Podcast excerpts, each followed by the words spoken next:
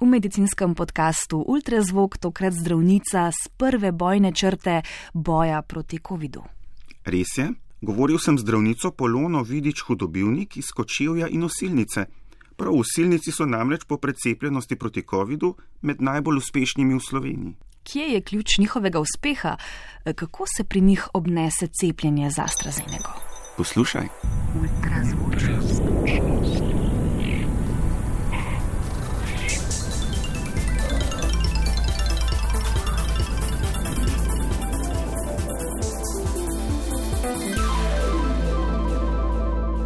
Ultrazvok.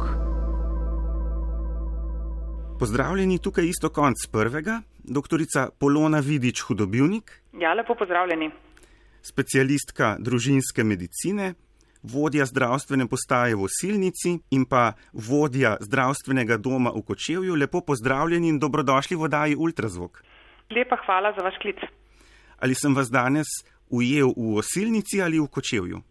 Danes v Kočevju, v Osilnici sem ob sredah, ostale dni pa v Kočevju, v ordinaciji ali pa na upravi, odvisno katero funkcijo upravljam. V Osilnici ste po cepljenju proti COVID-u med najbolj uspešnimi v Sloveniji, vse čas ste ali na prvem mestu ali pa med prvimi tremi. Kako vam je to uspelo? Zdravstveni dom Kočevje oziroma cepilni center zdravstvenega doma Kočevje skrbi glede cepljenja za tri občine, se pravi za občino Kočevje, Osilnica in Kostel. Ti dve majhni občini, Osilnica in Kostel, sta pač geriatrični občini oziroma občini starejšim prebivalstvom, ki pa ni tako številno, je pa seveda zelo ogroženo. Tam osebno tudi jaz delam na teh zdravstvenih postajah, kar precej osebnega angažmaja je bilo v to uloženega, prav konkretno lahko povem prepričevanja in v ambulant in telefonskih klicev prav vsakega posameznika, tako da smo dosegli to visoko precepljenost, ker ljudje osebnemu zdravniku oziroma osebi v ambulanti družinskega zdravnika kar zaupajo in če le utegnemo in če imamo čas se z njim o tem pogovoriti, potem nas običajno tudi upoštevajo. Prisigate na ta osebni pristop? Ta osebni pristop je dober in najbolj učinkovit. Seveda pa nas v primarnem zdravstvu zelo, zelo daje uh, preobremenjenost in malo časa, ki ga imamo za posameznika, mogoče je lažje na teh perifernih enotah, kjer vse ni taka gneča, ko prihajamo enkrat tedensko to izvest, kot nekje v mestu ali pa v večjih centrih, kjer je gneča večja. S prvim odmerkom ste tako v osilnici cepili že več kot polovico prebivalk in prebivalcev.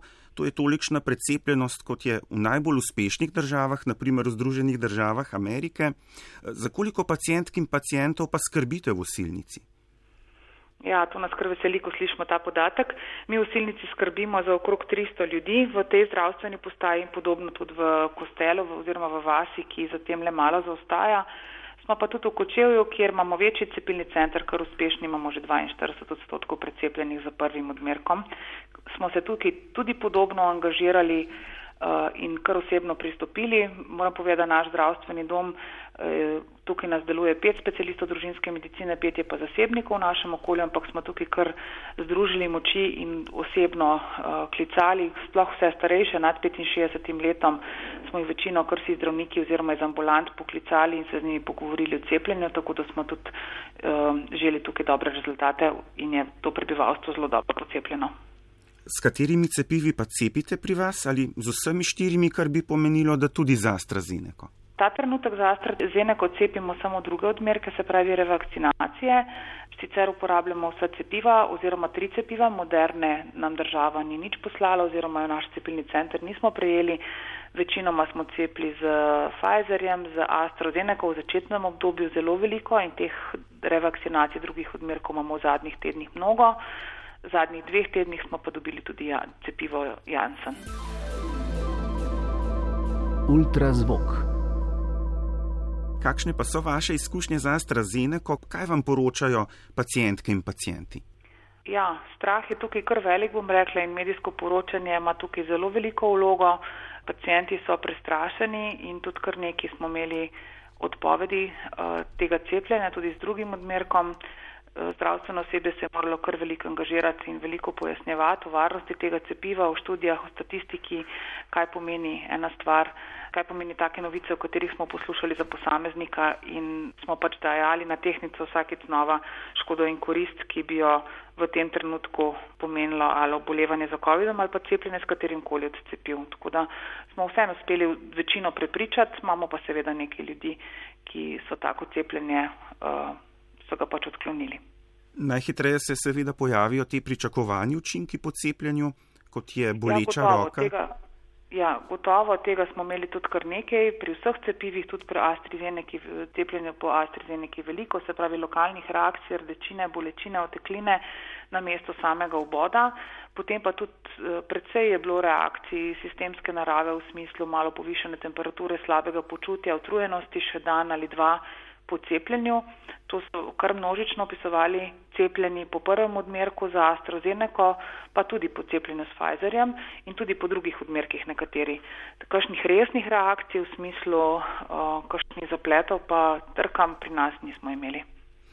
Aktualna tema okrog cepljenja je zdaj, ko se bližajo dopusti in pa počitnice, tudi potrdilo o cepljenju ali pa potrdilo, da smo COVID preboleli, potrdilo o negativnem hitrem ali PCR testu, torej da zadostujemo tem PCT kriterijem. Koliko klicev in elektronskih sporočil dnevno prejmete na ta račun? Ja, zelo veliko. V bistvu so ambulante s tem administrativnim delom in odgovarjanjem na to vrstno sporočila kar obremenjene. Mi se zelo trudimo, da vse ljudi usmerimo v tiskanje teh potrdil za državnega portala ZVM in jih izdajamo le, kadar je res nujno in tudi v tem primeru zdaj v zadnjem mesecu, v juniju, samo plačniško, ker so večinoma take narave pač prostočasne z namenom odhoda na dopust moramo se zavedati, da zdravstveni sistem je namenjen zdravljenju ljudi in da že tako smo na primarnem zdravstvu zdravniki in medicinske sestre izjemno obremenjeni in ta čas, ki ga imamo, je namenjen zdravljenju ljudi.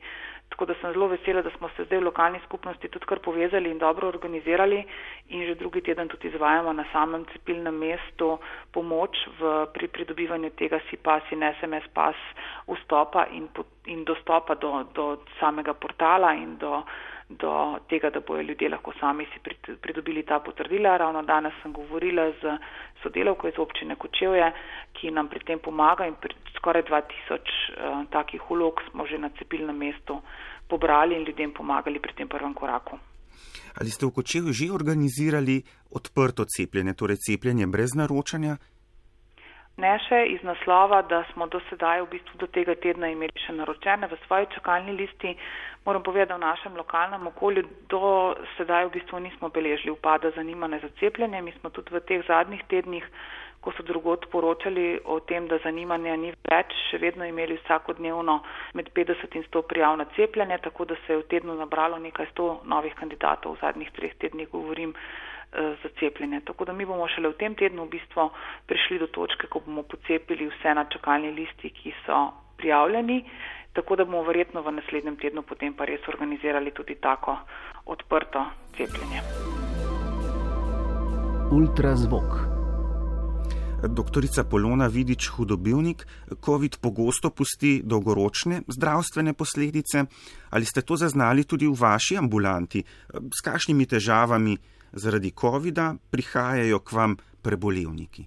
Ja, to nažalost zelo drži in s tem se kolegi v družinski medicini kar ukvarjamo. Zdaj tudi v moji ambulanti ni nič drugače. Jaz vsakodnevno se srečujem s posledicami COVID-19 v različnih oblikah. Eh, žalosti me, ker so to pogosto mlajši ljudje, ki so bili prej v polni življenjski moči zagono elano, zdaj pa navajajo predvsem utrujenost, glavobole, slabšo zmogljivost, tiščanje v prsnem košu težave tudi iz tega naslova potem z, z področja duševnega zdravja in počutja. Um, veliko krat uh, je težko tudi odgovoriti na ta vprašanja, koliko časa bo to trajalo, koliko časa bo nekdo še brez vonja, brez okusa, ne vem, imamo različne primere. Težko je za nekoga, veste, kad dela recimo v kuhinji, pa nima vonja in okusa, pa ne more normalno upravljati svojega poklica ali pa za polno aktivne mlade ljudi, ki so bili navajeni zelo aktivno živeti, pa zdaj po službi morajo iti počivati uro ali pa dve, da se sestavijo in da ponovno lahko funkcionirajo.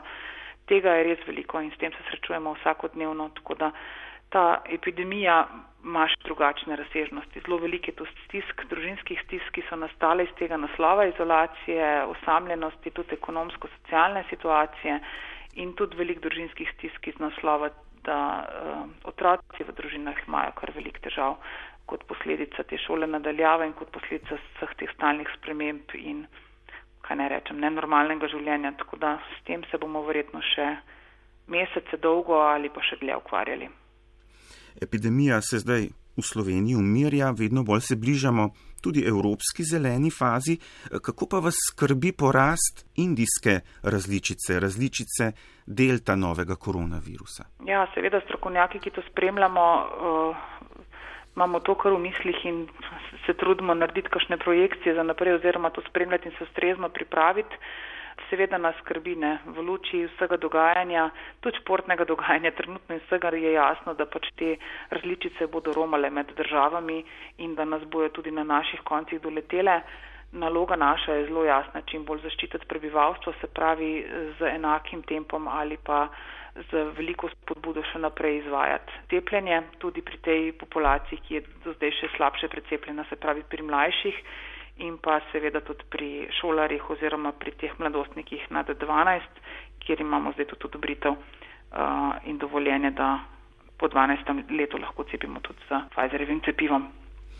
Doktorica Polona Vidič, hudobivnik v Kočevju in pa v Osilnici ter v okoliških krajih ste uspešno prepričali ljudi, naj se odločijo za cepljenje?